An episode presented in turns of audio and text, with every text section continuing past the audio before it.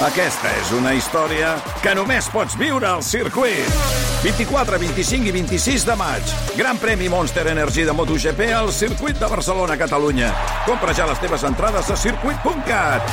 Viu-ho!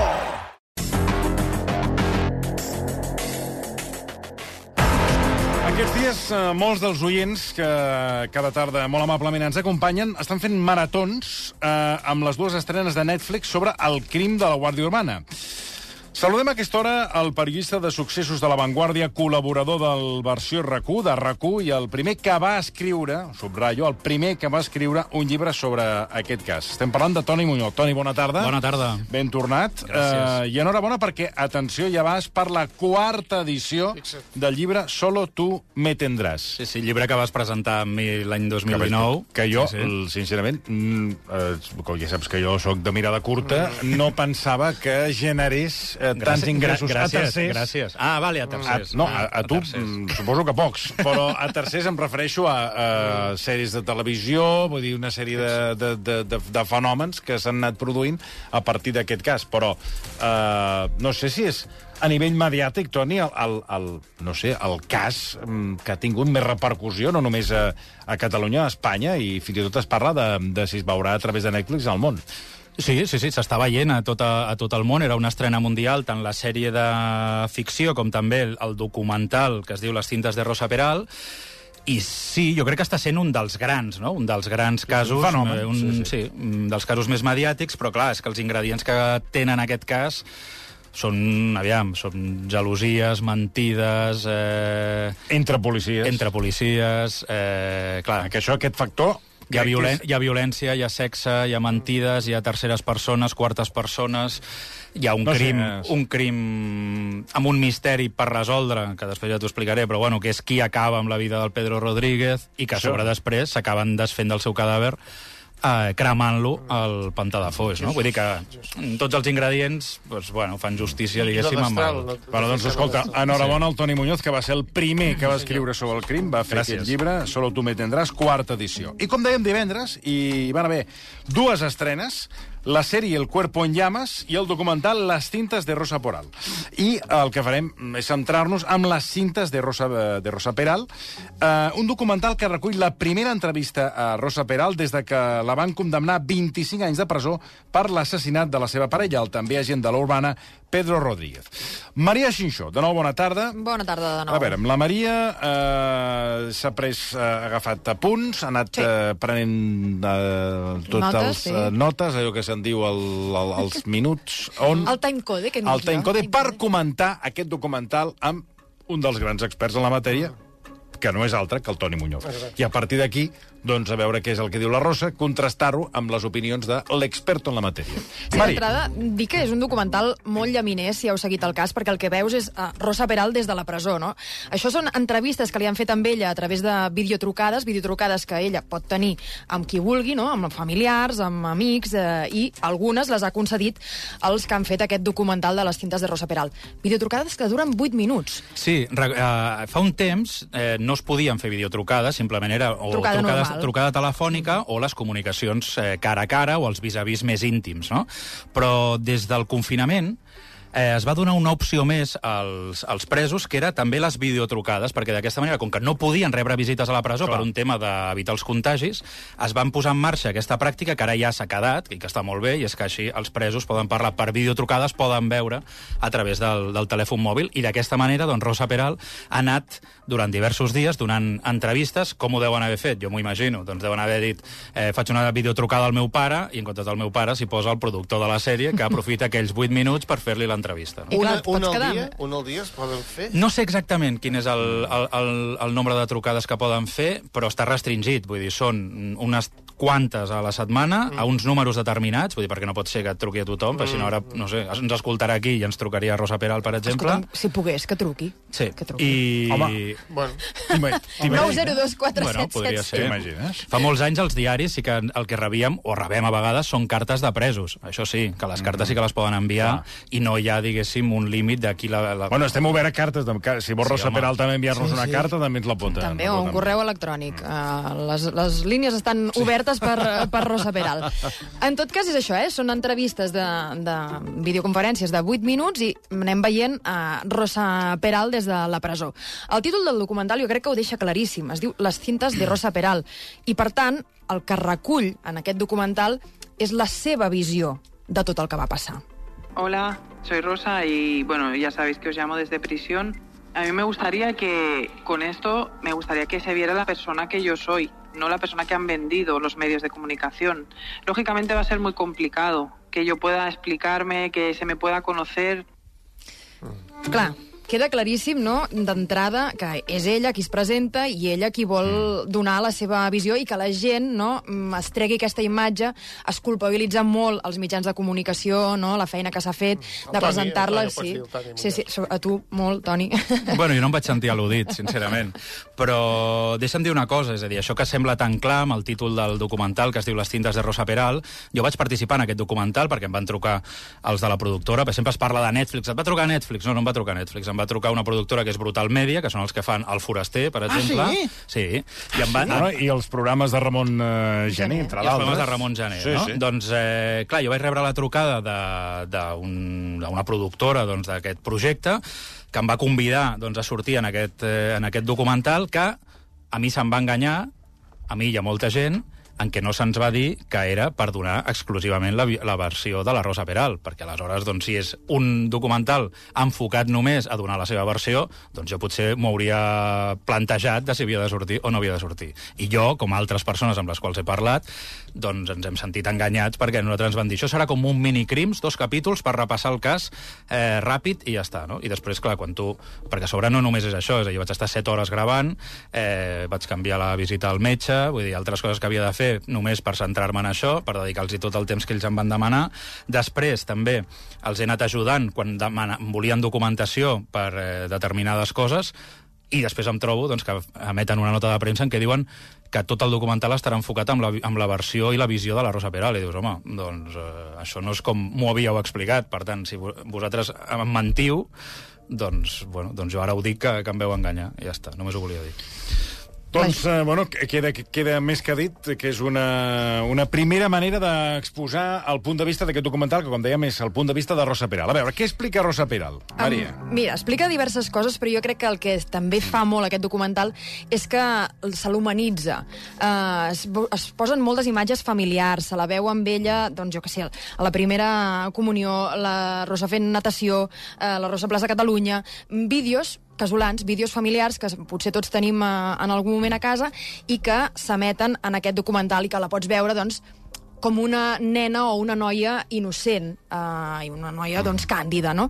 Un dels moments de- d'aquests documentals, eh, i que també és un dels protagonistes de, de la pel·lícula, és el seu pare cantant. Qué bonita cuando duerme, que parece una amapola entre los Qué bonita que es mi niña, qué bonita cuando duerme, Aviam, aquí, bàsicament, el que intenta fer aquest documental és explicar-te la versió de la Rosa Peral, que, més enllà de tot el, el que he explicat, és a dir, ja està bé, si volen explicar la seva versió, doncs eh, endavant, i ja està bé, però aleshores que, no, que, no, que ens ho expliquin, no? Aleshores, bàsicament, el que intenta fer aquest documental és eh, partir de dues premisses. Una, que el judici que va tenir Rosa Peral no va ser just i que se l'ha condemnat injustament doncs, pel, seu fe, pel fet de que s'ha eh, se l'ha exposat molt mediàticament i que molts dels membres del jurat van anar amb una, eh, Predisposició. amb una predisposició, no? amb una idea preestablerta del que s'estava jutjant. I com ho fan? Doncs bàsicament el que diuen és que no hi havia prou proves. És veritat que aquest documental tampoc no t'exposa quines són les proves que, que la van acusar, perquè n'hi havia moltíssimes. El que passa que ells obvien aquesta part i diuen no hi havia proves, no hi havia proves, no hi havia proves. Aleshores només van dient això i van posant eh, imatges de quan ella era petita, no? que tu penses, bueno, els assassins també han tingut infància, també han anat a l'escola, també han tingut pare vegades també han...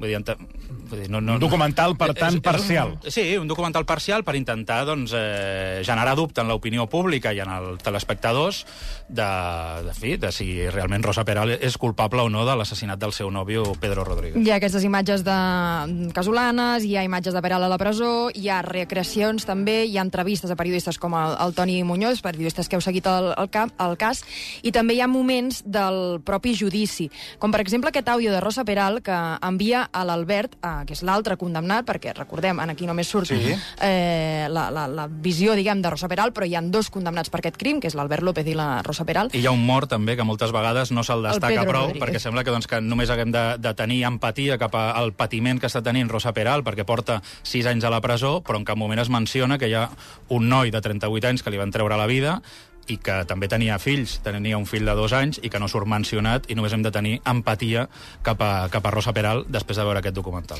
Àudio de Rosa Peral a l'Albert López. Oye, tonto bote, tienes el móvil apagado. Bueno, nada, he ido a comprar acá a Bravo y ya me había salido un descuento para Aventura. Estaba pensando que si hacíamos eso, pues eh, el siguiente fin de semana podríamos ir a Aventura a dormir allí, eso con las peques. ¿Qué te parece la idea?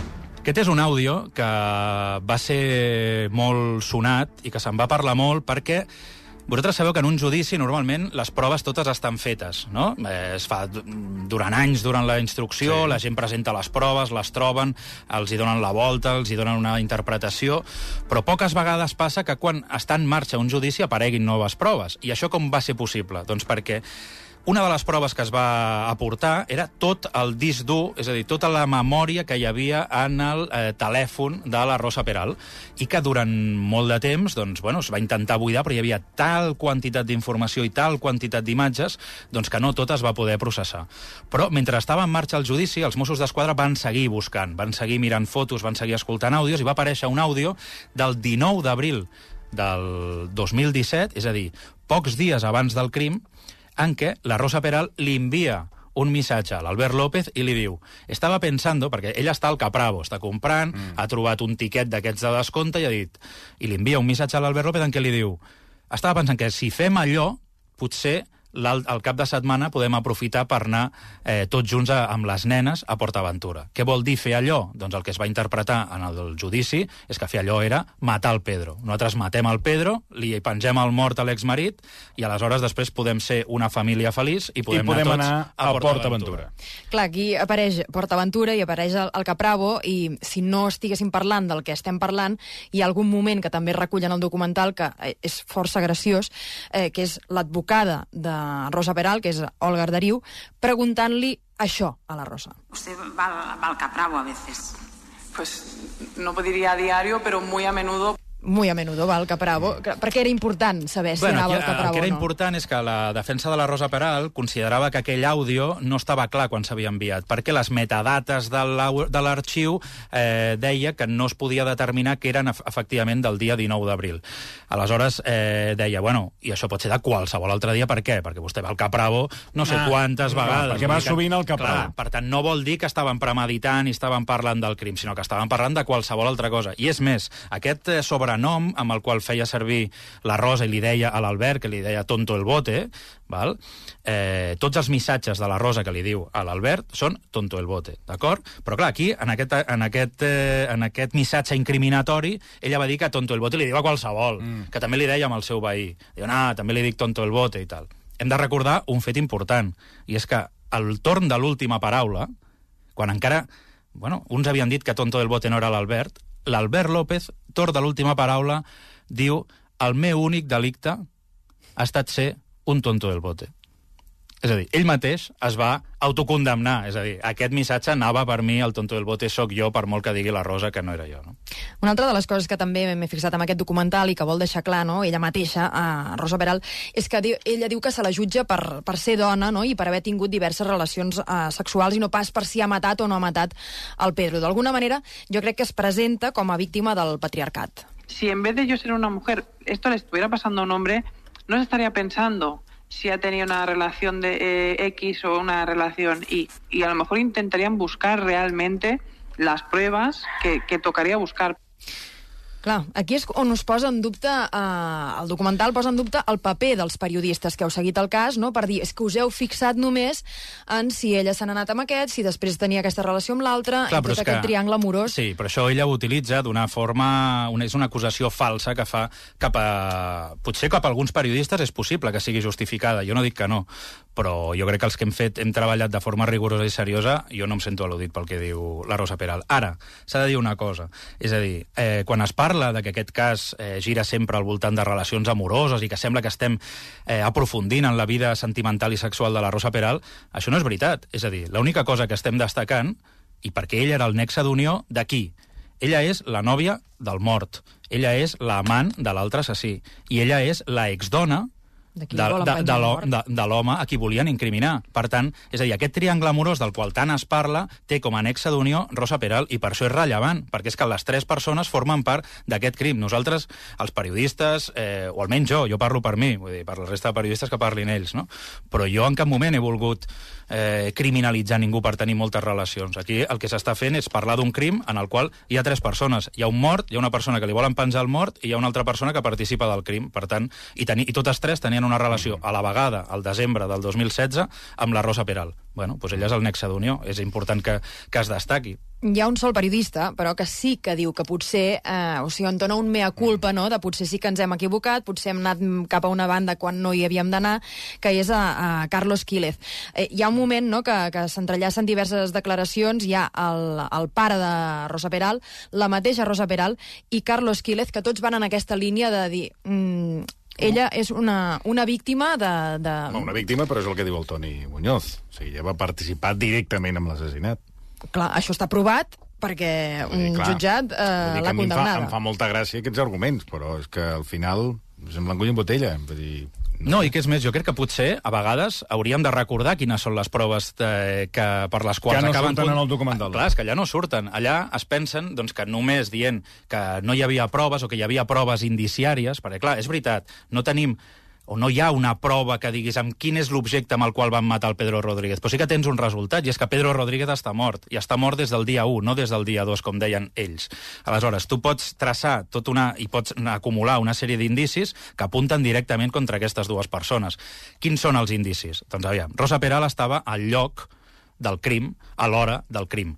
Després, ella eh, el que fa és posar, juntament amb l'Albert López, el cos al maleter del cotxe. És ella és ella, vull dir, perquè moltes vegades pensem que ella té un paper secundari, però ella té un paper de lideratge d'aquest crim. Ella és qui condueix el cotxe cap al pantà de Foix amb el cadàver del seu nòvio al maleter. Vull dir, no... I és més, hi van al pantà de Foix perquè està al costat de casa seva. L'Albert López viu a Badalona. No sap ni on està el pantà de Foix. I el pantà de Foix, que és el lloc que trien per cremar el cotxe, està al costat de casa de Rosa Peral. L'única persona que coneixia el pantà de Foix és la Rosa Peral. Després intenten també encolomar-li al mort el seu exmarit. Recordem, que ho hem, ho hem explicat moltes vegades, que tant l'Albert López com la Rosa Peral agafen el mòbil de la víctima, que sempre està en possessió de Rosa Peral, i van cap a casa de l'exmarit. Qui sap on viu l'exmarit? Ella. No ho sap, l'Albert no sap on viu l'exmarit. Ho sap ella, perquè fa pocs mesos ha contractat a un eh, detectiu privat per saber on vivia el seu exmarit i d'aquesta manera tenir més arguments per lluitar a nivell judicial per la custòdia de les seves filles. Vull dir que és un paper constantment de lideratge. Els Mossos d'Esquadra, quan escorcollen casa seva, troben que el telèfon mòbil del Pedro Rodríguez de la víctima està a l'armari de la Rosa Peral. No se l'ha quedat a l'Albert López, que, és, que, que, que no té el paper de lideratge que té ella. El té la Rosa Peral. Vull dir que ella, en aquest documental, no explica la meitat d'aquestes coses. Simplement diu, se m'ha criminalitzat per ser una dona i eh, perquè s'està esbombant només la meva vida sentimental quan no hi ha proves. Doncs sí que hi ha proves. Hi ha totes aquestes que us he dit. Vull dir... I, vull, Que no són poques. Que no són poques. Sentim els arguments en contra de tot això que estàs explicant, eh, Toni, que diuen el pare de Rosa Peral, la mateixa Rosa Peral, i el periodista Carlos Solamente su actitud ha sido ser una persona guapa, tener un buen cuerpo y si le ha dado la gana se ha acostado con quien haya querido. Han creado un personaje, porque claro, como pruebas contra mí no hay, las pruebas son contra él. Entonces, mm, la única manera de, de acusarme, de meterme en el saco, era ponerme como la viuda negra. Mis compañeros y compañeras, eh, a los que respeto y aprecio, pero que en este caso eh, creo que no han actuado con equidistancia y con, y con justicia, ¿no? Es que yo mismo lo hice. es que yo recuerdo haber publicado, al principio de todo, cuando la detienen y demás, no sé qué tal, un artículo que el otro día lo revisaba avergonzado, en la que yo decía, Rosa Peral, esta mujer, stripper, no, no trabajó nunca de stripper. Nunca fue gogó de discotecas, ni hizo rara, ni, ni, ni hizo topless, ni hizo ni todas estas idioteces que se han dicho. Però fixa't que és, és molt interessant veure com són ells mateixos els que van alimentant de que el que han dit els altres, no? els que parlen tot el rato de la viuda negra, són ells. És a dir, al final, què diu el, el pare? Su único pecado ha sido ser una mujer guapa, tener un buen cuerpo y acostarse con, con quien ha querido. Bueno, pues això ho diu vostè. És a dir, tots aquests ho estan dient ells. Vull dir, nosaltres, o jo almenys, ja dic, parlo jo per mi Sí, sí, mateix. parla per tu. mai, he fet, mai he fet... Sí, exacte, perquè al final després pots trobar... No, perquè escoltem a Carles. Quiles que dius, bueno, estàs canviant la versió que, que, Que vas, que, que vas publicar i ara te n'arrepenteixes. No sé, aquest canvi de criteri... Eh, que és Clar, el- però per exemple jo, és a dir, jo mai vaig publicar això, no? Doncs Sí, ja sí, està. per això- dir, per no, em sento, no em sento Sí, al·ludit. sí. Nous arguments que fa servir també Rosa Peral per justificar el seu comportament just després de l'assassinat de, del Pedro, de la seva parella. Ella defensa que els primers dies encobreix l'Albert, no diu res, per protegir les seves filles. Lo que siempre hizo fue proteger a sus hijas, cosa que nadie valora eso. Era más importante el hecho de que ellas se mantuvieran con vida, que no hubiera ningún peligro, porque el peligro real era él. I aquí és on ella diu em vaig equivocar, va ser un error i per això ara ningú em. Visto desde ahora, cojo una, una decisión incorrecta, todo eso me ha hecho que, que luego pues nadie me crea, ¿no? O, o piensen, no tengan dudas y digan, ¿y por qué ha actuado así? ¿Y qué nos ha enfrentado? ¿Y por qué no le ha plantado cara? ¿Y por qué no ha ido a la policía? ¿Y por qué no ha confiado? No, yo tengo un, un historial, por decir de alguna manera, de, con la policía que, que me, crea, me ha creado una esco- desconfianza a lo largo de los años, como lo que pasó con lo de que le llaman la pornovenganza, Aviam, eh, aquí s'ha de recordar, és a dir, la Rosa Peral sempre ha parlat eh, que ella no va reaccionar, no va saber actuar perquè estava presa per una por insuperable que la va paralitzar, d'acord? Eh, por cap aquí, doncs cap a l'altre acusat, l'Albert López, d'acord? Aleshores, aquí jo crec que és important revisar què és el que passa, no? És a dir, els dies després del crim, ella que té aquesta por que la paralitza, la paralitza fins al dia 13, que és quan ella sent i ja sap que estan a punt de detenir-la. Aleshores, aquella por ja no la paralitza per acusar a la- a l'altre home, no? Aleshores, ella, recordem que quan passa tot, és el dia 1, ella està a casa seva amb el seu, amb el seu nòvio, eh, i ella el baixa segons expliquen, a partir les seves filles a la seva madrastra, un testimoni que després serà anul·lat i que en, el, en aquest documental doncs, posen en dubte tota l'acusació només perquè aquest testimoni està anul·lat, doncs ella el baixa cap a l'habitació de baix. A l'habitació de baix no hi ha res, és un garatge on hi ha només una, una mena de gimnàs, un sofà i una tele, però realment l'estança principal és el, el pis de dalt. És el pis de dalt. És a dir, si tu... Sembla ser doncs, que, segons diu la sentència, la Rosa Peral li va emmascarar alguna mena de, de substància, potser els calmants que s'estava prenent per l'esquena, a la beguda mentre sopaven, i després es va trobar malament. I ella el condueix cap al pis de baix. Aquesta conducció és estranya ja de per si, perquè clar, si tu et trobes malament, que, que eh, si t'has sentat malament al sopar, o una de dos, t'estires al sofà que està al costat, o te'n vas al llit. te'n vas al llit, No però no te'n te'n va- vas al pis de baix. Eh, al pis de baix que no hi ha res, Que no hi ha res, expliques. que no hi ha és, res. és, és estrany. Eh, clar, aquí què estava fent? Estava preparant ja a la, la mort del, del Pedro Rodríguez. Després ella el que fa és trucar a l'Albert, és a dir, aquesta persona qui té tanta por és ella qui el truca. I ella es presenta a les 3 de la matinada, però qui el truca és ella. Eh, després cometen el crim, transport, eh, carreguen el cotxe al maleter del cotxe, ai, carreguen el cos al maleter del cotxe, i l'Albert López se'n va. I es queda sola, la Rosa Peral, a casa seva, amb el cotxe, amb el cos del seu nòvio mort al maleter, i durant tot el dia aquest cotxe està al jardí de casa seva, i ella es queda sola. I ella, paralitzada per la por, diu que no truca a ningú. Però allà l'Albert no hi és. Ella pot trucar perfectament. Els dies següents serà un continu quan transcendeix la notícia de que ha mort el Pedro Rodríguez. Abans de que transcendeixi, ells dos van a un, a un dinar de la Guàrdia Urbana en què hi ha la famosa fotografia foto la llengua. en què surt ella traient la llengua, doncs ella allà, en teoria, està també presa per una por insuperable i per això va conjuntament amb el que és la persona que li fa por i surt traient la llengua al costat d'aquesta persona. Aquell mateix dia, ella intercanvia un, el seu propi cotxe amb una furgoneta molt més gran d'un altre company de la Guàrdia Urbana que, que bueno, l'intercanvien i sembla ser que allò és per transportar el sofà en el qual han matat el Pedro i qui fa el canvi? El fa ella, no el fa l'Albert López, el fa ella. Els dies següents serà un continu de visites de gent de la Guàrdia Urbana que es, es presenta a casa seva per preguntar-li com està. Allà, ella, si tenia tanta por, allà a vegades no hi ha l'Albert. Són amics seus, són policies, ella és policia podria parlar amb aquestes persones i dir-li, escolta, eh, ha passat això i tinc molta por. No ho va fer en cap moment. Quin és l'argument que dona ella? Simplement que, bueno, com que li havia passat això de la pornovenjança, que és la filtració d'una fotografia, fotografia sexual, que li havia passat feia 9 anys, ella ja no confia en la policia, amb ningú, ni amb els seus amics. Això és el seu argument. I és l'argument que fa servir la seva advocada, Olga Arderiu. La clave para que la versión de Rosa concuerde con todo es que te creas el miedo insuperable que sufrió. Es decir, si tú crees que Rosa le tenía ese miedo a Albert, eh, después todo, todo encaja. Hi ha totes aquestes mm, imatges que dèiem també casolanes per humanitzar-la, per, per fer-la més familiar, i aquest, eh, aquesta protecció de, de les filles. I hi ha també l'emoció. Al documental també podem veure com Rosa Peral s'emociona i mig plora perquè mm, ella explica que durant tot aquest procés... Per la víctima, plora. No, per la mare, perquè se li ha Ah. mort la mare. Eh, ya me dijo mi padre, ya, ya, ya no. Yo llamé y llamé y llamé y llamé y a ver si se recupera y a ver si remonta y, y a ver, espérate, espérate todavía, que todavía... Aquí s'emociona. Pues es... Y nada, I aquí s'acaba, diguem, la, la conversa en el que ella està explicant eh, això que, que li ha passat a la mare, doncs, que s'ha mort en aquest procés en què ella doncs, l'han jutjat i ara està des de fa sis anys a, a la presó.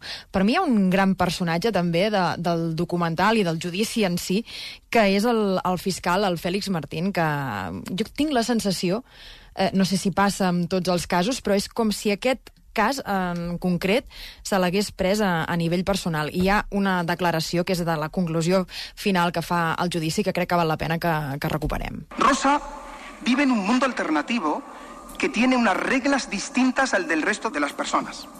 Para mí es una verborreica en potencia, es decir, se asimila a un charlatán de feria que intenta renderles un remedio de crecepelos que está formado por agua y jabón. Yo les digo una cosa, si estamos a solas dos horas con Rosa o tres, es capaz de convencernos de que hemos sido nosotros quien hemos matado a Pedro. Esta es la señora Rosa Peral. Clar, tu has estat a, a soles amb Rosa Peral. Bueno, a soles no sé, però... Aviam, jo he estat dues vegades amb Rosa Peral, una que va venir a La Vanguardia a explicar-me el cas de la pornovenjança. Ho recordo que ens, ens ho vas explicar. juntament amb la víctima, en Pedro Rodríguez, i 18 dies després doncs, aquell, aquell noi va aparèixer calcinat al maleter del seu propi cotxe al Pantà de Foix, i després vaig parlar amb ella quan jo ja havia acabat, diguéssim, tota la investigació del meu llibre, ja tenia clar què és el que havia passat, i la vaig anar a veure a la presó per contrastar amb ella tots els dubtes que jo tenia. I sí que és veritat, això que diu el fiscal, que arriba un moment que tu, si estàs amb ella i que et mira als ulls molt, molt atentament i que té una capacitat magnètica per acabar sí. convencent-te, sí, sí. tu arriba un moment doncs, que és capaç, ets capaç de, de del que, de tot l'any i mig que has estat de feina intentant trobar Bueno, les hi, ha, proves. hi ha gent que té aquest poder, Té aquesta capacitat. que et sedueix, eh, o sigui, home o dones, eh? I passa no només, eh, no només a nivell relació personal, sinó a nivell professional. O sigui, Sí. hi, ha, hi ha autèntics seductors que, que la gent... Bueno, és allò que et fas del seu equip, no? Ah, és a dir, que exacte, ràpidament exacte. Et, et, et poses de part seva, no? Però, clar, en aquest cas, i de fet jo crec que la setmana passada el Basté va entrevistar, quan vam entrevistar la Úrsula Corberó, que Sí. també va venir l'advocat de la família del, de la víctima, ella explicava una cosa, i és que la Rosa Peral tota la vida havia- s'havia sortit amb la seva gràcies a aquesta capacitat que té de persuasió. I ella es pensava que en aquest cas també li També. sortiria igual. Però clar, què passa? Que els Mossos d'Esquadra no són el teu amic a qui vols convèncer perquè et deixi la moto, o et deixi el cotxe o el que sigui. Clar, els Mossos d'Esquadra es basen en unes proves, i tenien tantes proves que, bueno, la Rosa ja podia dir el que vulgui. I és més, va canviar tantes vegades de versió, per aquí sempre s'ha dit no, és que la Rosa sempre ha mantingut el mateix. No és veritat. En un primer moment, el dia 4, no, perdona, el dia 5, és a dir, el dia 4 és quan troben el cadàver. Van a casa seva i li comuniquen que han trobat el cadàver del seu, del seu nòvio. Ella pel que diuen els Mossos, els hi sobta aquella reacció tan freda, però és que a dins de casa ja està dormint eh, l'Albert López. Ja, ja s'ha instal·lat, pràcticament. El, I l'endemà ella va declarar als Mossos d'Esquadra i aquí apunta. No apunta l'Albert López com apunta últimament. Apunta al seu exmarit. I a partir d'aquí, doncs ja... Quan la, quan la trama de l'exmarit li falla, Exacte. aleshores busca una altra nova trama. Exacte. Un tall més del, del del documental que m'ha cridat l'atenció i que torna a ser altra vegada del periodista Carlos Quílez. Yo no sé si lo hizo. Yo solo soy un periodista.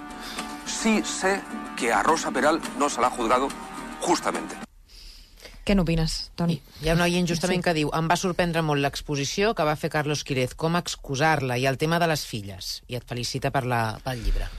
Gràcies. Eh, què em sembla el que, el que diu el Carles Que no, té, no ha tingut un judici just. Uh, és a dir, Doncs no, no deu haver vist el, no deu haver assistit al judici, perquè Rosa Pera ha tingut un, un, un judici just basat en unes proves que eren claríssimes i que ella no va saber contraposar.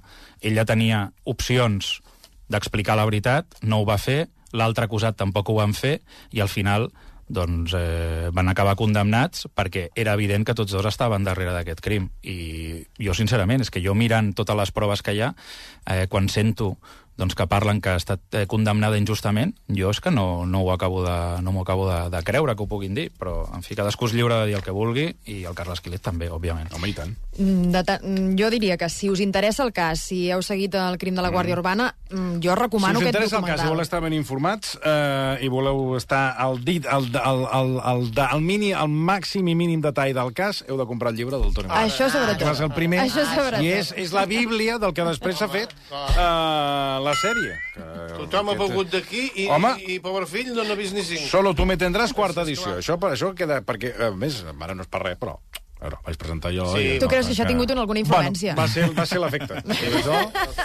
Per una vegada va ser l'efecte positiu. Normalment és el contrari, però per una excepció, doncs, escolta, deixa'm aquí treure, treure pit. Bueno, va, abans d'acabar. El que deies, aquest documental que es diu Les tintes de, de Rosa Peral, és interessant, si, si t'agrada i has seguit el crim de la Guàrdia Urbana, sabent que eh, és la visió de Rosa Peral. Ara bé, fa uns dies al 9C, Ana Ballonesta parlava amb el periodista que ha pogut fer aquestes videotrucades a, amb, amb l'acusada, amb Rosa Peral, amb la condemnada, que és en Carlos Agulló, i ell deia que l'objectiu no era pas blanquejar la seva imatge. La intención del documental, y eso lo hemos tenido claro desde el principio, no es exonerar a Rosa Peral. Eh, nosotros respetamos absolutamente la, la única verdad que existe al respecto, es la verdad judicial. Eh, más allá de eso está lo que sepa Rosa Peral y lo que sepa eh, Albert López, ¿no? Eh, que son los únicos que saben lo que pasó exactamente. Bueno, i, i abans d'acabar, deixa'm, deixa'm dir que a la presentació de les- d'aquesta sèrie, que per cert eh, hi ha, sí, mm, hi ha un fenomen ara de veure aquesta sèrie... El, Del Cuerpo en Llamas. El Cuerpo en Llamas. Sí. A la presentació, a mi em va sorprendre, m'ha cridat molt l'atenció, la presentació, en aquest cas una mini, allò que fan 10 minuts per, per mitjà, a TV3, el Quim Gutiérrez, que també està en aquesta postura que ell eh, ve a dir que ell no jutja el cas i que ell no s'hi posa amb el cas. Jo no jutjaré la, la no faré judicis morals sobre els, els personatges reals, però agraeixo que hi hagi tant material per poder generar un personatge de ficció que necessito que em porti a entendre per què van fer el, el, el que van fer. A veure, eh, una cosa que siguis actor. Una altra cosa que tu miris amb un treball d'objectivitat i vulguis ser. Però a veure, eh, Quim Gutiérrez... Eh, eh, eh, 25 anys de presó per bueno, Rosa Peral hi i per haver, Albert hi va López. haver un judici i hi ha una condemna a Rosa Peral i Albert López per matar, per matar a Pedro Rodríguez. Hi ha un mort. O sigui, op- una opinió d'uns fets que estan jutjats a banda de no, no, no, no m'hi posaré, bueno, sí, però de tant en tant eh, el- el- la, això és blanc i, i, diguéssim, com la llet. Vull dir que, no sé, tanta, tanta equidistància al final és que fa riure, la veritat. És que em va sorprendre aquesta postura de Quim Gutiérrez, vull dir, no, jo sóc actor... I... No, bueno, escolta'm, eh, pots dir que sí, que hi va haver un crim, no? Ho dic pel, pel mort, perquè aquí el que deia el Toni Muñoz, que mai ens en recordem de l'assassinat i de la persona que va ser assassinada i va ser cremada. Sí, de fet, a mi és una de les coses que més greu em sap, no?, de tot això. És a dir, que s'està parlant de tots les, els girs de guió, de les interioritats, de tots aquests elements doncs, que, com, que conformen, diguéssim, la investigació d'aquest crim, però mai, sempre ens oblidem de la víctima, no? I aquí tothom demana humanitzar, doncs potser el que hauríem d'humanitzar és a la víctima, no? Un noi de 38 anys que van matar de manera cruel simplement perquè els estorbava, perquè era un obstacle per la seva relació, i en una mena de crim pervers van acabar amb la seva vida i van deixar orfe de pare un nen de dos anys. Vull dir que això, darrere d'aquesta gran història que tothom està tan enganxat, doncs que no s'oblidi mai que darrere hi havia una família destrossada, un nen sense pare i una exdona també destrossada. Toni Muñoz, ben tornat. Gràcies. Com sempre és un plaer que ens acompanyis. Eh, solo tu me tendràs l'origen de tot, de totes aquestes trames, unes de ficció, unes no tant, del documental, de la sèrie. Eh, el llibre del Toni Muñoz, eh, recordem que és periodista de successos de La Vanguardia, col·laborador de RAC1, col·laborador del Versió, moltíssimes gràcies. A vosaltres. Maria Xinxó, moltíssimes gràcies. Gràcies a vosaltres. I després d'una pausa de 3 minuts, arriba el temps afegit avui amb Home. Marc Serra i uh, Edgar Fornós. Fins ara.